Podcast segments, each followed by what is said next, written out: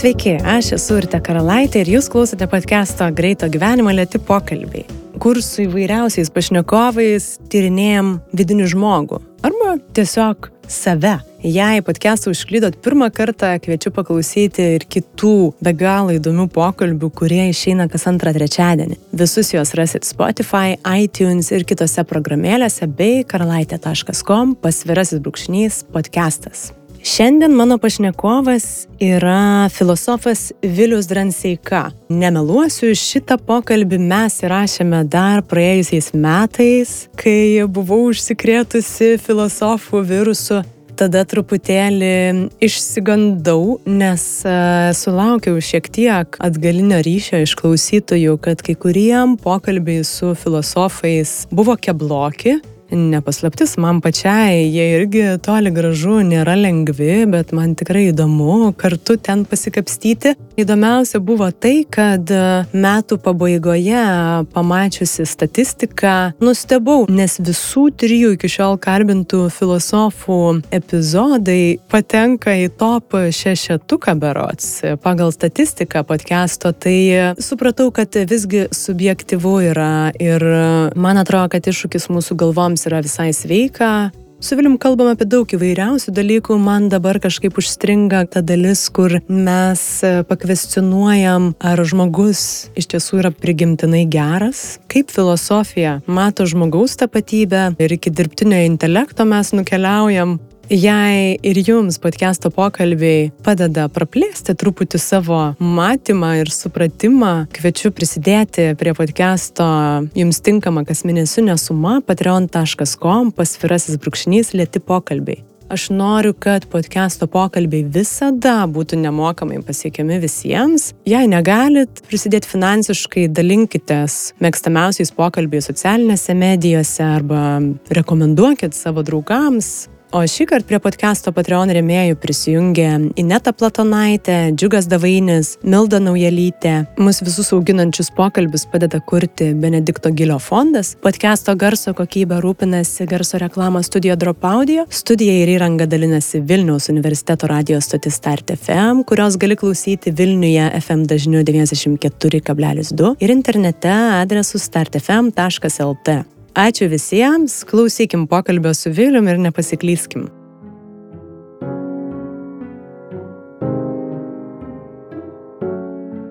Norisi pagalvoti apie filosofą Vilių ir Vilių kasdienybėje.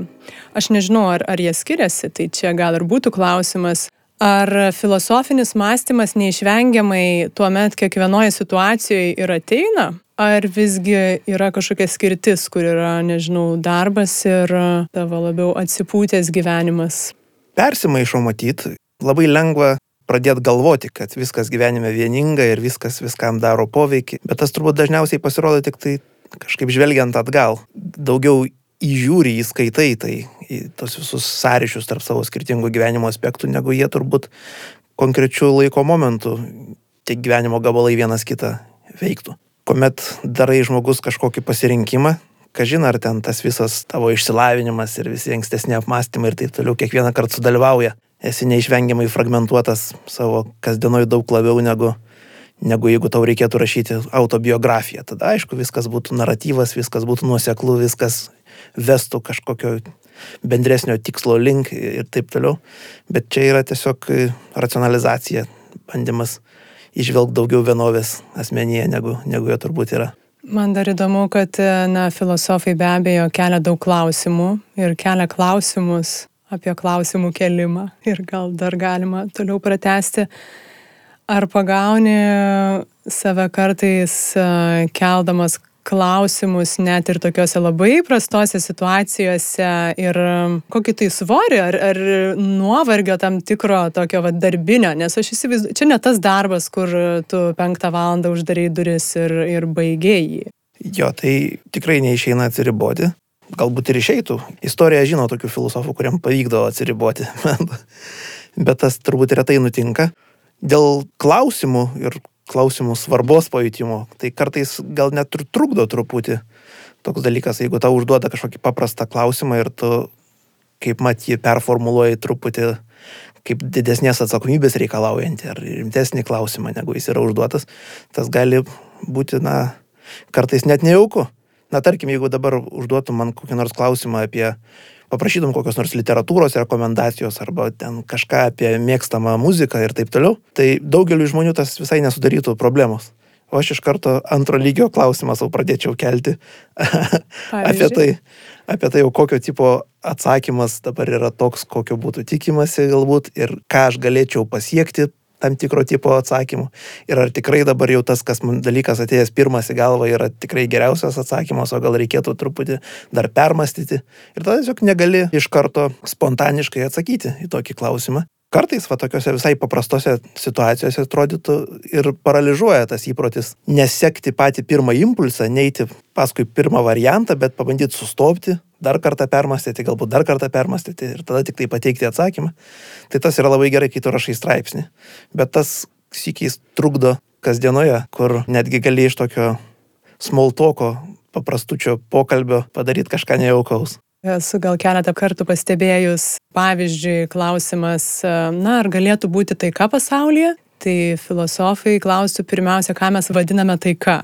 Kad pradžiai susitarkime dėl tų bazinių ir kad viskas prasideda nuo to, tai kad kiekvieną žodį, kiekvieną terminą mes supraskime vienodai, aš taip suprantu. Taip, čia dažnas įėjimas yra filosofų. Neatsakinėti klausimų, pradėti kelt klausimus apie patį klausimą. Ir vėlgi, turbūt kartais tikrai tai yra naudinga, kuomet tas pirmasis klausimas buvo klaidinantis arba kažkoks galintis būti dviprasmiškas, tada svarbu atkreipti tai dėmesį. Bet kitais atvejais tai turbūt yra bereikalingas komplikavimas, bandymas aptikti kažką sudėtingo ten, kur visai situacija to nesišaukė. Pažiūrėsim, ar, ar aš gausiu čia klausimų atgal. Man įdomu būtų pažiūrėti tapatybės problematiką. Aš kaip suprantu, kai kuriais aspektais čia yra tavo domėjimosis rytis, bet aš manau, kad aš truputį gal ir iššoku iš jos e, plačiau. Šiandien galima būtų pastebėti tam tikro pasimetimo tapatybės temoje ir žiūrint į jauną žmogų, Na ir, ir su socialinė medijom, kad jie galima manipuliuoti, jinai gali tarsi kisti, jinai gali būti įvairiai formuojama, tokių siaurų rėmų gal nėra, tai gal norisi ir į bazę pažiūrėti, ar yra kažkokia tapatybės bazė ir kas formuoja ją bendrai, ar jinai gali kardinaliai kisti. Kaip tik dabar padarysiu tą patį manevrą, apie kurį ėjo kalba.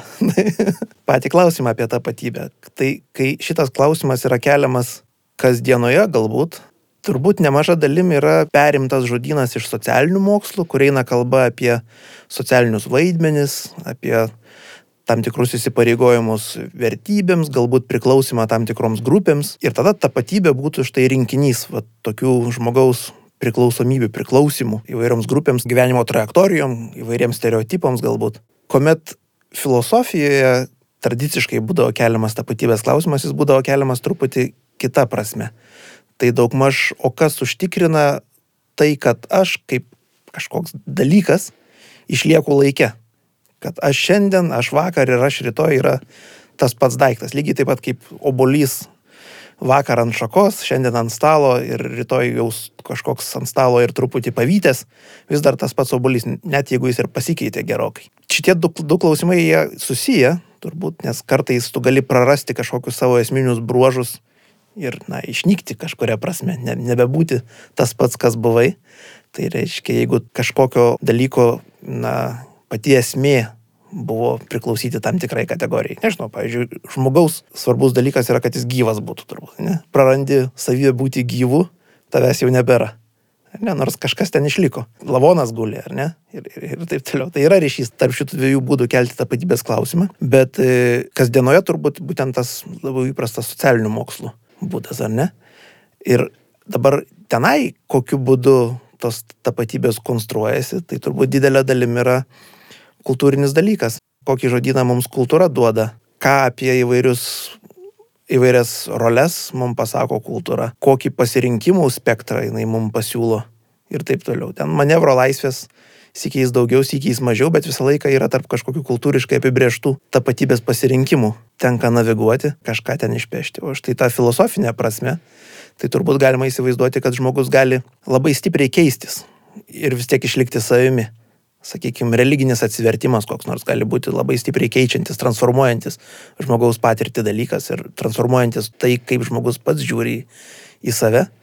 Bet šitoj vietoj vis tiek mes galim sakyti, kad tam, kad mes bent jau konstatuotume, kad įvyko pokytis, reikia konstatuoti, kad kažkoks testinumas yra, kad yra kažkas, kas pasikeitė. Tai tam reikia tiek testinumo momento, tiek kaitos, transformacijos momentų. Nes jeigu nebūtų testinumo, mes net negalėtume pasakyti, kasgi čia pasikeitė. Mini laiką, bet ta filosofinė tada tapatybė, ar jinai gali kisti, nuo ko tas priklauso? Čia yra daug įvairių bandymų atsakyti į šitą klausimą, kas, kas užtikrina mano testinumą laikę. Ar tai, kad aš turiu kažkokį kontaktą su savo praeities kažkokiais segmentais per savo atmintį, pavyzdžiui, ar dėl to, kad aš vis dar gyvenu tame pačiame kūne, ar kažkas kito. Daugelį kultūrinių tradicijų būdavo turbūt kažkokia sielos idėja, kuri užtikrindavo testinumą. Įsivaizduojama, kad, na, kodėl aš esu tas pats dabar kaip ir vakar, dėl to, kad kažkoks nematerialus brandolys man jie yra išlikęs ir jisai užtikrina tuos dalykus. Bet ne visos kultūrinės tradicijos su tuo sutinka, kai kurios sako, kad nėra jokio testinumo laikė, jokio brandolio, kuris tęstųsi laikė. Tai ta pati budistinė filosofija tą sakytų. Na, yra tiesiog vaidmenys įvairūs, bet nėra nieko, kas tos vaidmenys atlieka ir kas išliktų laikė.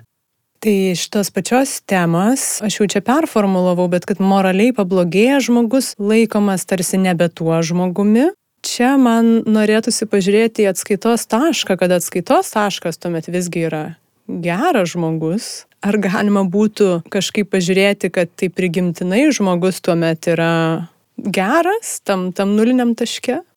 Bent jau panašu, kad žmonės taip galvoja, kad yra kažkoks moraliai geras brandolys. Netgi tada, kai jie masto apie kitų grupių atstovus, su kuriais galbūt yra konflikte, jie visgi irgi dažnai yra pasirengę pripažinti, kad, na, čia aplinkybės privertė dar kažkas, bet štai iš esmės jie geri kažkur, bet situaciniai veiksniai kažkokie padarė juos blogais šiuo metu. Tai tokia pažiūra jinai vadinama sėkiais esencializmu, kad bando išvelgti kažkokią esmę žmonėse ir jinai yra dar normatyvi, reiškia gera. Tai čia yra būdas, kaip žmonės masto apie save ir apie kitus. Dabar visai kitas klausimas yra, ar jie tą daro teisingai. Ar iš tiesų yra kažkokios tos gerosios esmės ir, ir taip toliau. Ir aš sakyčiau, kad nieko panašaus nėra. Bet mes esam įpratę štai tokių žodynų kalbėti apie save ir apie kitus daugelį situacijų tas, tas pasireiškia. Pavyzdžiui, kuomet reikia aiškinti savo sėkmes arba nesėkmes, tai žmonės paprastai savo sėkmes aiškina per tai, kad aš iš savo įgūdžio, iš savo pastangų ir taip toliau šitai padariau. Tai reiškia, kažkas iš mano vidaus kylančio buvo priežastis, kad tai nutiko. Bet apie nesėkmes dažniau bando jas paaiškinti, sakydami, kad kažkas iš išorės nulėmė, kad, kad aš negalėčiau to padaryti. Arba kažką, jeigu blogo padarau, tai na, dėl kažkokių išorinių priežasčių pati idėja, kad aš viduje esu labai geras, jinai va, turi tokius padarinius netgi aiškinimus. Ir jie, aišku, padeda tuo pačiu ir, ir na, per reputacijos kontrolės mechanizmus išsaugoti tokį tikėjimą savo ir prieš kitus, kad visgi aš viduje esu kažkoks geras. Tai čia toks psichologinis aiškinimas galbūt. Kiek jis atitinka tikrą dalykų padėtį, tai veikiausiai labai menkai. Gal šitaip dar pasakysiu, kad e, mes turbūt dažnai turim motivaciją pagražinti situaciją, pasakyti, kad mes esame geresni negu, negu iš tikrųjų esame galbūt. Retas žmogus bando apsimesti blogesniu negu jis yra ir dažnas bando apsimesti geresniu negu yra. Turbūt jeigu mes galėtume čia tą iš vis apibriežti, koks žmogus yra anapus savo elgesiu. Bet tai čia jau religijos tuomet kažkokie tai atskaitos taškai. Jeigu žiūrint į prigimtį, į akmens amžiaus žmogų, aš nesu tikra, ar jis taip pat galvojo. Aš nu, nežinau. Man įdomu, va, tai kas, kas lemia tą, tą norą, na, norą būti geru, tai jau kaip ir visuomenė, nes nu, visuomenė mhm. priima gerą žmogų, tai žinoma, tu nori būti geras, kokį tave priimtų, bet va, tas, tas skirstimas ir, ir tikėjimas, kad aš esu dėl to noro būti geresniu, tai vargu ar labai yra toks noras. Yra noras, kad kiti galvotų, kad aš esu geresnis. Bet jeigu, pavyzdžiui, žmonių klausima, va, ką jie norėtų pasiekti, ką jie norėtų savyje pakeisti, tai žmonės niekada praktiškai nemini, kad jie norėtų tapti moralesni, geresni taip toliau. Jie sako, kad jie norėtų geriau tenisą žaisti, galbūt turėti geresnę atmintį, būti juokingesni. Žmonės paprastai mano, kad jie moralės srityje yra kaip ir viskas tvarkoj. Nėra taip, kad žmonės siektų kažkokio moralinio idealo, dažniausiai jie siekia tokio moralinio vidutiniškumo. Tu neturi būti ryškiai blogesnis negu štai vidutinis tavo aplinkinis. Jeigu tu esi daugmaž tiek, kiek, kiek vidutinis ta, tavo aplinkos žmogus, tai kaip ir jau pakankamai gerai yra. Bet iš kitų lūkestis gali būti toks, kad tu norėtum, kad kiti galvotų apie tave kaip kažkokį, e, jeigu ir neišskirtinai, e, protingą, gražų, dorą ir taip toliau, tai bent jau truputį doresnį, gražesnį ir, ir kitokį negu, negu vidurkis. Čia turbūt tikslas irgi, kad tai tą bandą priimtų, bet dar kažkaip norisi grįžti, gal visgi sakai, kad tu netiki tuo gerumo branduoliu žmoguje. Tai kodėl ir kaip filosofija čia žiūri į žmogų. Toks bendras tarsi paveikslas yra, kad, na, žmogus gimsta tyras, ten geras, taip toliau. Vėlgi filosofija turbūt niekada neturi vieno atsakymo, nes visą laiką ginčiasi dėl bet, bet ko, kad dėl ko įmanoma pasiginčyti, dėl to ir ginčiasi. Apie vaikų gerumą, netgi sikiai sunku pasakyti, kas turima omenyje, nes šiaip bendrai paėmus, na, vaikai, jie turi visus bruožus, kurie suaugusėjame būtų, na, labai baisus.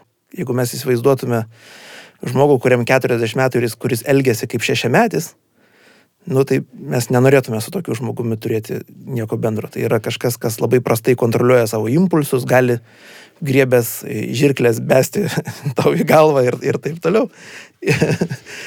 Nenorės dalintis resursais ir, ir, ir taip toliau. Ir kels įvairius skandalus, na, tokie labiau psichopato bruožai būtų. Kodėl atsirado šitas kultūrinis vaizdinys, kad vaikai yra geri, tai turbūt tik dėl to, kad taip e, tėviškai jie buvo e, nurašyti kaip ne visai pilni žmonės. Tai tada tu gali kaip ir kokiam šuniukui ar dar kažkam daug ką atleisti, dėl to, kad įsivaizduoja, kad jisai na, dar ne visai pasirengęs būti svarstomas pagal suaugusiųjų standartus. Bendresnis klausimas turbūt apie gerą brandolį žmogaus, tai priklauso nuo klausimo apskritai, ar yra kažkoks brandolys žmogaus ir ką tai galėtų reikšti. Ir ar mes kažkokiu būdu galim kažką sužinoti apie tą brandulį, jeigu jisai apskritai egzistuotų. Kokiu būdu mes galėtume tą sužinoti. Jeigu bandytume kažkaip introspekciją užsimti, bandyti žiūrėti savo vidų, tai aš nesu tikras, kas ten matosi. Man tai nelabai kas matosi iš tikrųjų. Kažkokia kakofonija viduje, ten tikrai negali labai aiškių kontūrų išvelgti. Tu dažniau turbūt bandai kažką kaip suvesti į vieną ryšlų pasakojimą tai, ką tu atsimeni apie tai, kaip tu elgeisi įvairiose situacijose, e, dėl ko tu didžiuojasi, dėl ko tau gėda ir taip toliau, ir tu užsiemi labiau tokiu literatūriniu darbu. Bandai parašyti tokį kaip ir savo autobiografinį romaną kiekvienu momentu, kuris galbūt kažką nuslėptų, kažką praleistų, kažką pridėtų ir ištaisytų, įvestų truputį daugiau ryšlumo, negu būtų pagrindo tą padaryti ir tada na, pats tampi tokiu pagrindiniu veikėju savo paties rašomam štai šitam romane. Bet čia yra visai kito pobūdžio procesas, ne, ne kažkoks žvilgsnis į savo vidų ir tada toks objektivus fiksavimas to, kas ten yra. Štai pamačiau, kas mano viduje yra, pamačiau, kad tai yra gera ir papasakojau savo ir kitiems. Bet čia yra kūrybinis darbas, toks, kuriame labai daug yra laisvės, daug gali pasirinkimų daryti įvairiausių. Kaipgi dabar tu pats savo papasakosi tą savo gyvenimo istoriją ir kitiems tą savo gyvenimo istoriją papasakosi. Na ir kadangi turime šitą polinkį truputį gražinti dalykus tiek savo, tiek kitiems, tai, tai va, turbūt ir prigražiname gerokai. Bet jeigu mes žiūrime į tapatybės konstravimą būtent kaip į tokį naratyvo konstravimą, tai tada visai tas nereikalauja jokio, jokio brandolio pripažinti, kad jis ten kažkoks yra, tas pasakojimas yra viskas, kas ten yra. O tai jeigu tavęs paklaustų, ar tu esi geras žmogus? tai vėlgi tokiu atveju turbūt reikėtų bandyti du dalykus sužiūrėti. Vienas tai yra, o pagal kokį standartą čia bus matuojama. Tai jeigu imti kažkokį vidutinį žmogų, tai tada būtų galima su atmintimi pasikonsultavus pažiūrėti, ar, ar esu aš ten kažkur praeitį palikęs žaizdų tokių išskirtinių, Ar esu kažkokių neišnaudojęs progų irgi išskirtinių ir taip toliau. Ir gal pagal tai būtų galima orientuotis. Bet vėlgi, tie standartai čia labai išplaukia ir sunku kažką pasakyti užtikrintų. Norisi dar man pribėgti prie loginio ir emocinio mąstymo ir įsitikinimų jausmų. Čia yra nuolatinė įtampa žmoguje galbūt. Kodėl? Šito aš nežinau, kodėl taip yra. Čia turbūt irgi yra kultūrinis reiškinys, kažkas turbūt būdingesnio vakarų kultūrai negu kitoms kultūroms bandyti išskirti intelektinius dalykus ir emocinius dalykus. Nes šiaip turbūt kasdienėje psichologijoje tai jie nėra, nėra taip, kad juos būtų lengva atskirti, viskas labai stipriai persimaišė. Turbūt irgi reikėtų ieškoti kilmės šitos idėjos kokiuose nors religinėse tradicijose, kurios bandytų sakyti, kad štai tam tikri žmogaus impulsai turėtų būti suvaržyti, sukontroliuoti ir tada tu pradedi juos rušiuoti tada gali kažkurios apsibriežti kaip tokius, kurie, kurie yra pavojingi, įtartini, kuriuos reikėtų sukontroliuoti, sunorminti ir, ir taip toliau. Vakarietiškoje tradicijoje dažnai tai ir būdavo suvokiama kaip pasijos tam tikras, kas dabar verčiama aistros. Tai, kas mane stumdo, kažkokie išoriniai impulsai, kurie, na, kaip kažkokį plastikinį maišelį vėjyje į vieną ir į kitą pusę blaško ir kaip aš dabar galiu jiems atsispirti, kažkaip sumažindamas savo jautrumą arba padidindamas savo stabilumą, įgydamas kažkokio svorio, kad tie išoriniai aistrų vėjai manęs nenublokštų į kurią nors pusę. Aišku, čia toks labai diletantiškas dabar pasvarstymas buvo šito. Čia reikėtų tokio užsiimti rimtą idėjų istoriją ir pabandyti at, atkapstyti, kurioje vietoje čia. Gal kažkur stoicizme, gal kažkur krikščioniškoje tradicijoje buvo kažkokie ryškiausiais pavydalais pasireiškia toks bandymas išrušiuoti žmogišką psichologiją į tas dalis, kurios yra tos, kurios jau puoselėtinos ir tos, kurios yra suvaržytinos ir, ir, taip toliau. Bet jausmų ir proto skirtis, jinai iš kažkokių tokių šaltinių turbūt, turbūt ir randasi. Tada jinai turbūt yra karts nuo karto pervertinama, perkainuojama. Tada sakoma, ne, ne, jau nebe, nebe protas ir valia yra svarbu, bet labiau, sakykime, emocijos ir jų raiška yra svarbu. Tada kažkur, kažkurio metu vėl reikia apversti šitą vertinimą ir sakyti, ne, ne, dabar mums reikėtų jau, mes per daug pasidavėme emocijoms, reikėtų daugiau šalto proto ir taip toliau. Tai čia vėlgi turbūt skirtingais istoriniais laikotarpiais į skirtingą pusę tas vertinimas persivesdavo. Aš suprantu, kad mes kilmės čia ir ten tų mm. šaknų net kasim, bet įdomu, ar tam yra pagrindas iš viso tokiam žmogaus segmentavimui šituo klausimu. Yra asmenybės psichologijoje įvairiausių būdų pamatuoti, truputį sukategorizuoti žmonės į vienokius, kitokius, turinčius ryškesnius vienokius bruožus, kitokius bruožus ryškesnius. Kebliau būtų pasakyti, kad jie kažkaip supuola su kitomis skirtimis, kur dažnai bandoma sukabinti, pavyzdžiui, sakoma, ten vyriška psichologija, moteriška psichologija, ar tenai vakariečiai, rytiečiai ir taip toliau. Tai va tokiom skirtimas aš būčiau labai skeptiškas, kad ten kažką įdomaus būtų galima pasakyti, naudojant va tokį žodyną ten. Vieni jausmingesni, intuityvesni, kiti ten šaltesni, intelektualesni ir taip toliau. Čia veikiausiai yra absoliučiai nenaudingos skirtis.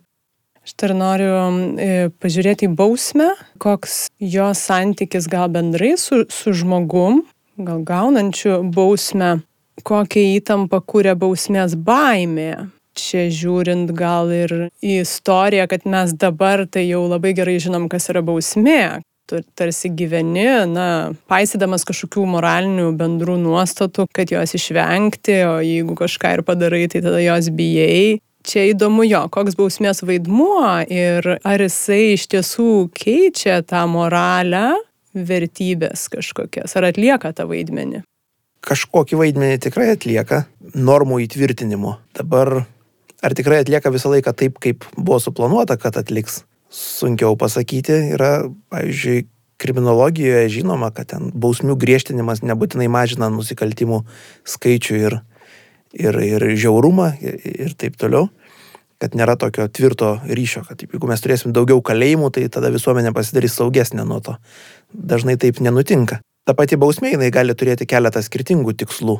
Vienas yra toksai atgrasimo tikslas. Ir šią prasme turbūt tai, kad bausmės egzistuoja, tam tikrą atgrasimo vaidmenį atlieka. jeigu staiga būtų panaikintos įkalinimo bausmės. Galimas daiktas, kad sumažėtų truputį motivacijos kartais nenusikalsti, bent kai kuriems žmonėms. Ar ne, tai tikrai turbūt dalyvauja svarstant, ar man dabar vertėtų rizikuoti nusikalstant ar ne. Dabar kiti tikslai bausmių yra tokie labiau keršto įgyvendinimas, kad žmogus štai tikrai nusipelnė, kad su juo būtų pasielgta tam tikrų būdų ir dabar mes darom tai, ko žmogus yra nusipelnęs. Ir šitą dalyką gerokai sunkiau paaiškinti ir iš kuris atsiradęs yra tas nuopelno dalykas ir kokį vaidmenį jisai atlieka.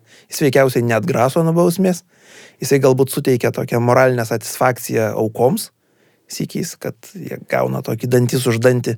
Jeigu mes pažiūrėtume į, į kokį nors tą patį Lietuvos baudžiamąjį kodeksą, ten labai aptakiai kalbama apie bausmės tikslus, sako, ir, ir tas tikslas, ir anas tikslas, ir trečias yra tikslas. Aiškios doktrinos kaip ir nematyti. Kad bausmė yra transformuojanti kažką, va, turbūt būtų daug sunkiau pademonstruoti negu tai, kad bausmė gali būti atgrasanti. Dabar, kad tikrai mes turime labai daug, sakykime, tokių sėkmės istorijų, kad štai žmogų nubaudėm ir dėka to, kad jis buvo nubaustas, jisai kažkaip transformavosi, pasikeitė tas turbūt daug sunkiau yra įrodoma. Tokios bausmės sistemos, kur siekiama kaip tik ne griežtesnės bausmės, o kažkokio reintegravimo į visuomenę ir taip toliau, jos, jos panašu dažniau veda į žmogaus pasikeitimą. Dėl paties pasikeitimo, truputį kaip tas pasikeitimas turėtų kokią išraišką įgauti, tai vėlgi žmonės turi skirtingų preferencijų. Yra keletas tyrimų, kur bandė žiūrėti štai šitą dalyką ir štai žmonėms labai nejauku yra, jeigu jeigu jie turi pagrindo manyti, kad kažkas tiesiog vien elgesį pakeitė, nepakeisdamas savo motivacijos. Tai reiškia, supranta, kad dabar tam, kad aš nepapulčiau, kad aš greičiau išeičiau ten iš įkalinimo įstaigos arba kad iš naujo nepapulčiau į įkalinimo įstaigą, man tiesiog reikia nedaryti tam tikrų dalykų. Tai tas yra suprantama kaip kažkokia ne, nepilna transformacija, dar tokia ne visai gera.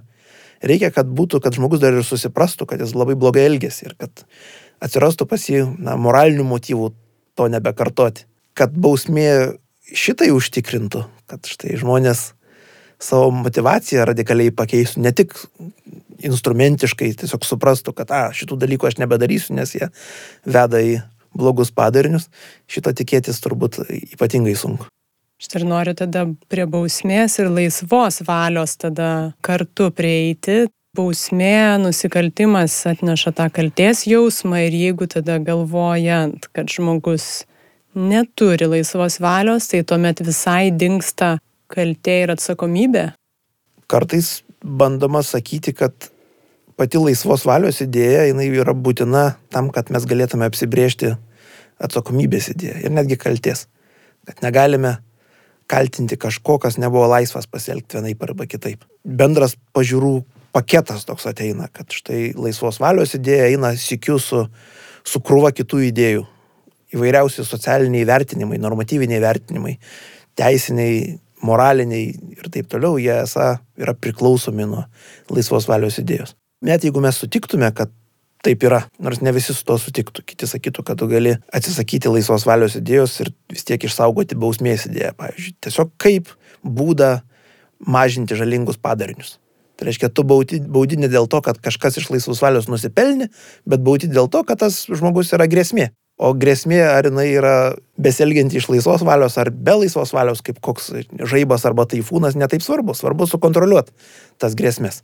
Bet net jeigu mes įsivaizduotume, kad šitas žodynas laisvos valios atsakomybės ir taip toliau, jis ateina bendru paketu tam tikru, tada mes vis tiek turėtume dar aiškinti, o ką mes turime omeny, sakydami laisvą valią. Kiek čia tos laisvos valios reikia. Ir vieni sakytų, kad čia turi būti labai reikli tokia idėja.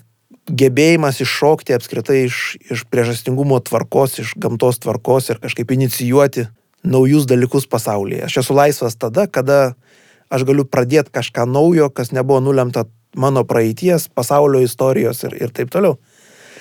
Kad yra, štai žmogus turi specialią galę, jis skiriasi nuo visų kitų gamtos reiškinių tuo, kad jisai gali naujas priežastinės grandinės kažkaip inicijuoti, pradėti ne, jis nėra determinuotas to, kas anksčiau įvyko. Kai kas sakytų, kad štai tokia laisvos valios idėja ir reikalinga tam, kad mes galėtume kalbėti apie atsakomybę.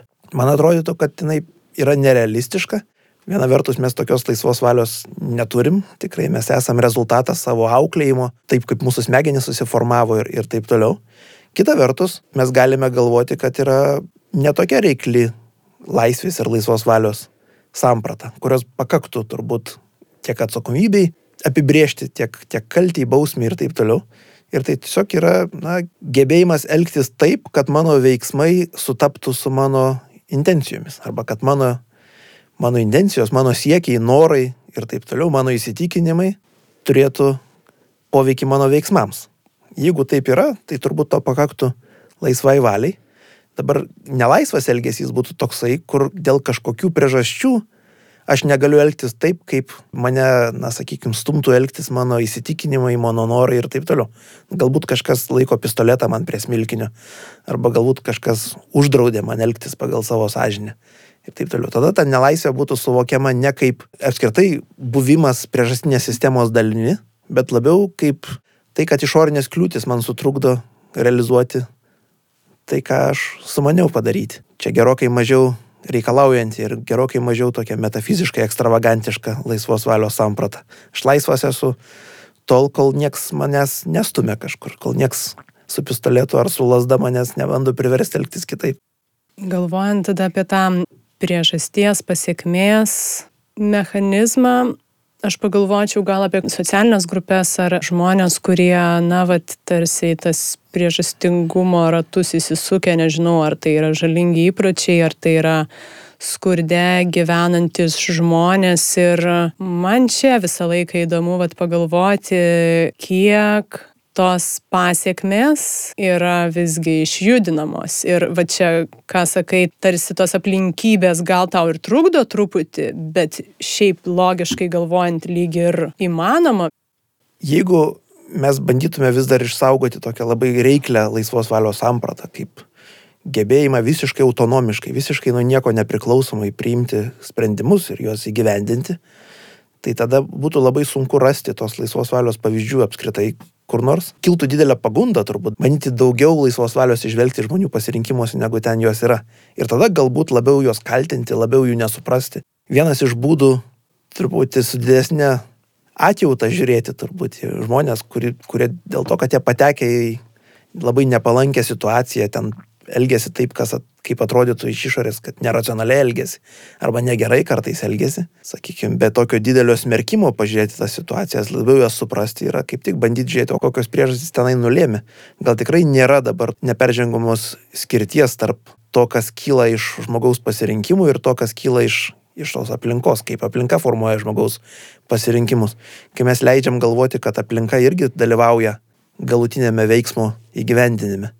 Kažkaip mes tada galime truputį na, mažiau moralistiškai žiūrėti tas situacijas, turbūt labiau plačiau atsitraukę e, ir turbūt mažiau linkę bausmėmis spręsti tos dalykus, bausmėmis ir, ir kaltinimais, o daugiau bandymais žiūrėti į tai, o kokias sąlygas pakeitus, štai tiem žmonėm bus lengviau priimti sprendimus, kurie tiek jiem patiems bus komfortiški, tiek aplinkiniam bus komfortiški. Į kokias sąlygas patekę, jie galės realizuoti savo, savo pasirinkimus priimtinais būdais. Taip aš įsivaizduoju, kad ir kai kurie aplinkos elementai, jeigu keičiasi, tai jau vėl ta kombinacija, tas santykis kinta. Čia įdomu, iš kur atsiradęs tas, e, tu esi liki, savo likimo kalvis. Nu, toks radikalus. Truputį gal norisi nutolti, pažiūrėti į moralinės vertybės. Tai kai kurios labai aiškiai nekinta per amžius, per kultūras, bet kai kurios, na, ypač šiandien taip truputį netenka galios ir nežinau, kiek čia galima pažiūrėti į ateitį, bet ar įmanoma, kad jos radikaliai keisis? Konkrečios normos jos keičiasi ir gana greitai dažnai. Kartais galime jas užregistruoti jų kaitą netgi vienos kartos gyvenimo laikotarpyje. Ne, sakykime, požiūris į mėsos valgymą kai kuriuose vakarų visuomenėse, jis per, netgi per pastarosius 5, 6, 7 metus pasikeitė labai stipriai. Proporcija visuomenės, kuri manytų, kad mėsos valgymas yra etikos požiūrių problemiškas, jinai iš mažumos gal net į daugumas įkeis persvertė tenai per, per labai trumpą laikotarpį. Dažniau mes turbūt susidurdavom su situacijom na, žmonijos istorijoje, kai tos normos keisdavosi gerokai lėčiau, bet jos kita vertus vis laik keisdavosi netgi žiūrint, sakykime, į vakarietišką normų sistemą, kur dažnai bandoma sakyti, kad jinai vat, kažkokia labai stabili, ten mes ją galim kildinti iš kažkur, iš e, ten krikščioniškos moralės ir, ir taip toliau. Jeigu mes pažiūrėtume į ten vėlyvųjų viduramžių, tokius moralinio auklėjimo savados, vadovėlius ir taip toliau, ten daug yra normų, kurios šiuo metu yra visai nebeatpažįstamos. Jos dažnai yra susijusios su tokiais labiau, ką mes dabar sakytume, kaip etiketo klausimai ir taip toliau, bet jie šiuo metu nebesvarbus. O dabar kalbėti apie tai, kad kai kurios normos yra ypatingai stabilios, tai tą galima daryti turbūt tik tai taip gerokai abstrahavusis, gerokai atsitraukus nuo tos normos. Ta bando sikiais daryti kokie antropologai, pavyzdžiui, nes antropologai jie tyrinėja skirtingas kultūras ir dėl to jie yra kaip tik susipažinę su to, kad yra didžiulė įvairovė. Labai sunku palyginti tas kultūras. Ten yra atskiros turtingos tradicijos, kur su savo specifika nepasiduoda labai lengvam suvidurkinimu ir taip toliau. Ir tada vienas iš būdų bandyti ieškoti tokių kultūrinių universalijų, tame tarpe ir moralinių universalijų, yra truputį atsitraukti ir abstrakčiai pažiūrėti. Ir pavyzdžiui, tada antropologai sako, o mes radome normą, kuri galioja ten ko ne visose žmonių visuomenėse žinomose, pavyzdžiui, negalima kankinti nekaltojo. Bet kas bus laikomas nekaltu, labai stipriai skirsis skirtingose kultūrose ir kas bus laikoma kankinimu, gal nesiskirs tiek stipriai, bet irgi kažkiek, kažkiek skirsis. Bet kai mes abstrahuojamės taip stipriai, tos normos jos praranda labai didelę dalį savo turinio. Ne, tokios, pavyzdžiui, jeigu mes paim, pabandytume abstrahuoti visas kokios nors seksualinės moralės normas skirtingose religijose, ten dažnai jas, tas suvidurkinimas gausis labai neturiningas. Kažkas tokio neužteršk savo kūno ir, ir norų nederamais dalykais. Kažkas tokio. Kas, kas yra beveik tuščias teiginys. Tu gali suprasti, kodėl ten konkrečios seksualinės moralės normos konkrečiose religijose patektų į tą patį kurpalį, bet e, pats jis pati ta abstrakti norma tokia, jinai yra pasidaro baisiai nebeturininga. Mes ją galime rasti jos tada sekuliarias versijas, kokias nors pasigaminti. Ir taip toliau tos pačios kokios maisto normos religinės. Ta kalba, kuri yra apie kūno neužteršimą ir taip toliau, mes ją aptiksim tada, sakykime, naikimi vegetarų ar veganų forumą, ten bus tas pats žodynas visiškai. Jis tada nebebus gal dažnai aiškiai sukabintas su religija, bet ten bus visas tas natūralumo, neteršos, netaršos švaros ir taip toliau visas tas žodynas, kurį mes randame religinėse mytybos normose. Bet tam, kad pamatytume bendrumą šitą, reikia taip gerokai atsitraukti ten, kur ta moralė tada nebetenka savo turinio beveik, tokio turtingo, detalaus turinio. Jis pasidaro tokios beveik formalios, labai abstrakčios taisyklės. O dirbtinis intelektas tai jau galbūt keičia kažkokias esminės, na, visuomeniai priimtas tokias moralinės vertybės. Sunku pasakyti, kaip čia būtent dirbtinis intelektas kažką galėtų esminio keisti kol kas. Jis gali kažkur paribiuose truputį perstumti dalykus. Sakykime, na jeigu būtų dirbtinio intelekto taikymai medicinėje diagnostikoje kokioje, Ir tada mes galėtume pradėti kelti klausimą apie, sakykime, gydytojų atsakomybę. Sėkis, jeigu gydytojas ignoravo dirbtinio intelekto rekomendaciją paskirti štai tokį ir tokį vaistą, nes pagalvojo, kad na, savo profesinę patirtimį remdamasis, kad geresnis bus variantas kažkoks kitas ir paaiškėjo, kad jisai suklydo, tai galbūt dabar mes turėtume tą gydytoją labiau smerkti dėl to, kad jisai nesivadovavo dirbtinio intelekto rekomendacija. Bet čia yra turbūt visai ne, ne centrinis dalykas, labiau periferinis. Keblesnis klausimas atsiras tada, kai reikės pradėti taikyti moralinės taisyklės autonominėms ar pusiau autonominėms sistemoms, kažkokiam save vairuojantiems automobiliams, dronams, kurie štai ten autonomiškai kažkokį ginklą panaudoja karyboje ir, ir taip toliau. Ir ir kokiu būdu mes čionais tą moralinę atsakomybę skirstysim. Ar tai turėtų būti kaltas gamintojas, ar savininkas, ar mes visą laiką turėtume kažkokį rasti būdą, kaip tą kaltą jį atsekti, kažkam tą atsakomybę prikabinti, arba galbūt kažkada ateityje mes netgi patiem robotam tą atsakomybę pradėsim taikyti. Bet čia pernelyg anksti kalbėti. Kita vertus, jau dabar mes susidurėm su, su ypač karyboje, su šitais klausimais, kuomet reikia rasti, kurioje vietoje visoje šitoje grandinėje nuo komandos e, davimo iki, iki kažkokio, sakykime, jau šūvio, kurioje vietoje mes užkabinsim atsakomybę. Kam? Bent jau ES tai labai griežtai e, sako, kad dirbtinio intelekto taikymas turi visą laiką būti pagristas tokiu principu, kad visą laiką neturi būti plyšių, kur nebėra žmogaus, kuriam galima prikabinti atsakomybę. Tu nebegali, negali leisti sistemai autonomiškai priiminėti sprendimų, tokių, už kuriuos niekas nebus atsakingas. Tai reiškia, reikia, turi būti pasodintas kažkoks žmogus, kuris reikiamų metu pagal galbūt dirbtinio intelekto sistemos kažkokį rekomendaciją priims pats paspaus mygtuką, bet tas jo mygtuko paspaudimas bus svarbu dėl to, kad būtent jisai bus tas, kas galutinai atsakingas už padarinius. Tai kol kas juda, juda taip visas teisinis ir moralinis reglamentavimas. Tiesiog pasodink visur žmogų, kuris bus atsakingas. Na, tai dirbtinis intelektas jau daro sprendimus, kaip suprantu, iš rinkinio informacijos galimybių. Ir vat tos galimybės yra vis tiek, na, jos yra taip sausai su, surikiuotos. Tai ar galvojant apie savarankiškai važiuojantį automobilį, buvo ten liktai praktinių tokių užduočių, aš gal suklysiu, bet kur turi rinktis ar važiuoti į močiutę ar į dešimt vaikų. Tai va, šitie sprendimai įdomu, kaip tas moralinės vertybės keičia, kai iš tiesų iš išskaičiavimo, iš, iš galimybių ir pagal duomenys griežtus ir pagal jau kažkokią nustatytą griežtą tvarką tą nuspręstų. Turiu menį, kad emocinio faktoriaus nebuvimas. Emocinis faktorius ten turbūt kažkur įsipainioja per programavimą arba per treniravimą to dirbtinio intelekto, kur tu pasirenki, kokios situacijos būtų to, tokie prototipiniai leistino elgesio pavyzdžiai, kurios būtų prototipiniai neleistino elgesio pavyzdžiai ir ten turbūt ne, negali suformuotų dalykų kažkaip visiškai emocijas ignoruodamas. Tas dirbtinis intelektas, jis, jisai vis tiek ne, tiek, kiek jis yra taikomas gyveniškom situacijom, jisai nėra visai kažkaip iš, iš grino oro atsiradęs, jisai paprastai seka kažkokias inžinierinės užduotis jam, jam pateiktas, jis yra kūriamas tam tikrų būdų, tam, tikriems, tam tikrom funkcijom užtikrinti. Dabar kaip tos funkcijos bus apibrieštos, tai vis dar yra na, žmonių numatomas dalykas. Žmonės turi, turi tą padaryti su visais privalumais ir trūkumais žmogiško sprendimų prieimimo.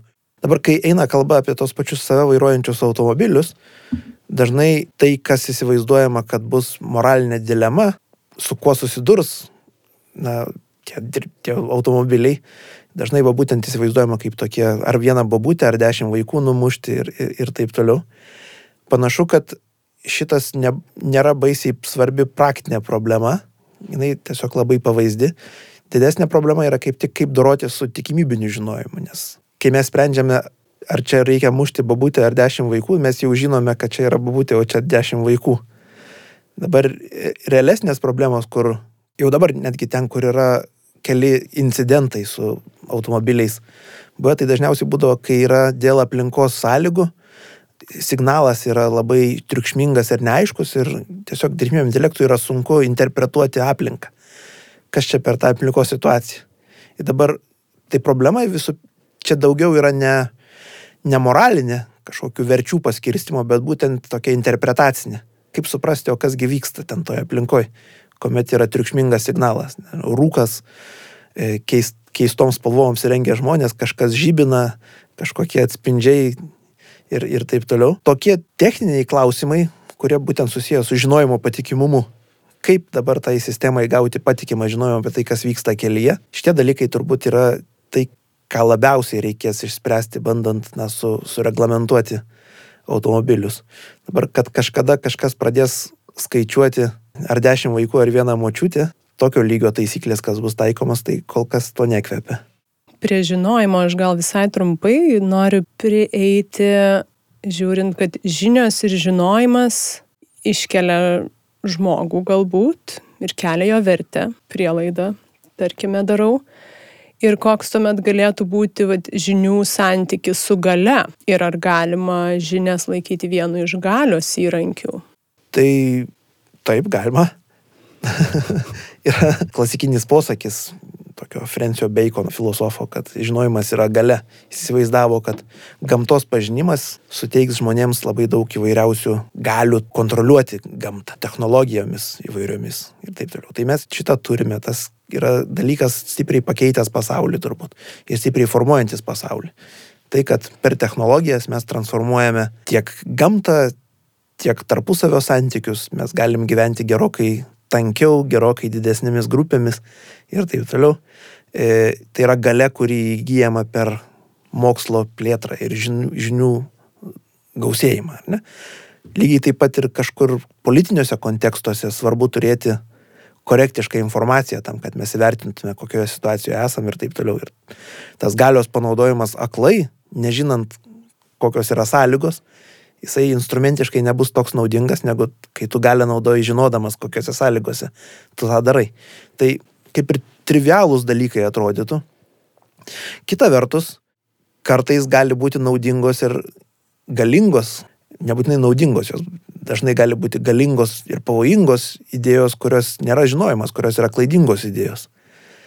Galime turėti keletą kokių nors ideologijų, kurios paremtos galbūt labai klaidingais dalykais, arba mes gal nega, galime nežinoti, kurios iš jų ten teisingesnės, klaidingesnės, bet bent kažkurios turėtų būti klaidingesnės už kitas.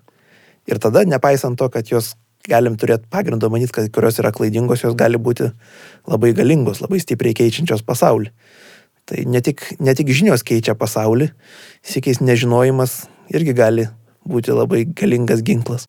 Aš e, nebežinau, ar, ar reikėjo į šitą kryptį lysti, nes man dabar kyla dar šimtas klausimų šitoj temai. Dar man norisi pribėgti tavo geris grožis ir tiesa e, projektą. Aš norėčiau absurdą priklyjuoti. Man tos situacijos dažnai atrodo absurdiškos, kurias tu iliustruoji. Gal norisi pažiūrėti, iš ko kyla absurdas ir kokį matai vaidmenį mūsų gyvenime? Jis gali kelis vaidmenys turbūt turėti. Viena vertus, absurdas gali būti pats iš savęs juokingas, pats iš savęs toks atveriantis netikėtas interpretacijas, kokias nors. Ir tada gali būti šiaip smalsu kvailioti. Tas absurdas tada jis nevaidina jokio, jokio papildomo vaidmens, jis pats iš savęs kaip tokia savaiminė vertybė gali būti smagus dalykas. Kitais atvejais absurdas gali būti taikomas instrumentiškai, kaip siekiant kažką padaryti. Ir šita strategija, tai jinai turbūt labai dažnai yra naudojama politiniai satyroje ir, ir taip toliau, kuomet tu tai, kas atrodytų neatidžiai pažiūrėjus visai normali mintis, kokia nors, tu bandai ją privesti prie loginės pabaigos, rekonstruoti tai, kur jinai gali nuvesti, jeigu ją pilnai mes išpakuojame ir tokiu atveju tu gali kritikuoti tam tikras politinės idėjas, pavyzdžiui, bet nebūtinai politinės idėjas, labai įvairias idėjas. Gal tik tai tas ėjimas dažniausiai pažįstamas iš politinės satyros. Kartais va tame grožėje, gėrėje ir tiesoje aš darau pirmą dalyką - jokavimas vardan jokavimo, o kartais tenai būna ir bandymai kažką pasakyti kritiško, tiesiog pasitelkiant jokavimą kaip, kaip priemonę iš šiaip respektabilių idėjų pabandai pasijuokti, privesdamas jas prie to, kas tavo atrodytų yra jų kvaila loginė pabaiga. Sykiais aš jaučiuosi, kad gal aš turėčiau daugiau dalyvauti viešame gyvenime, bet neturiu talento ilgai formai, kad aš dabar rašyčiau esė kažkokį ilgą, kur bandyčiau argumentuoti, arba gal nesijaučiu, kad turiu laiko, arba turiu per daug tinginystės, ar kažkas tokio. Bet yra kažkas, kas mane stabdo įsivelti į tokią, na, ilgo formato diskusiją kažkokiais man svarbiais visuomenės gyvenimo klausimais. Tai dabar geris grožis ir tiesa yra būdas, kaip čia susukčiauti truputį, kur tu gali kažką pasakyti netgi turiningo, tam tikrą argumentą sudėlioti, tam neskirdamas viso pusdienio, kol tu parašysi straipsnį kažkokį į portalą, bet kažką nupieždamas per 20 sekundžių ir, ir staigiai nufotografavęs ir, ir papostinės į Facebooką. Ačiū tau už mintis, išvalgumą ir kad absurdo netrūktų manau, linkiu. Iki. Dėkui.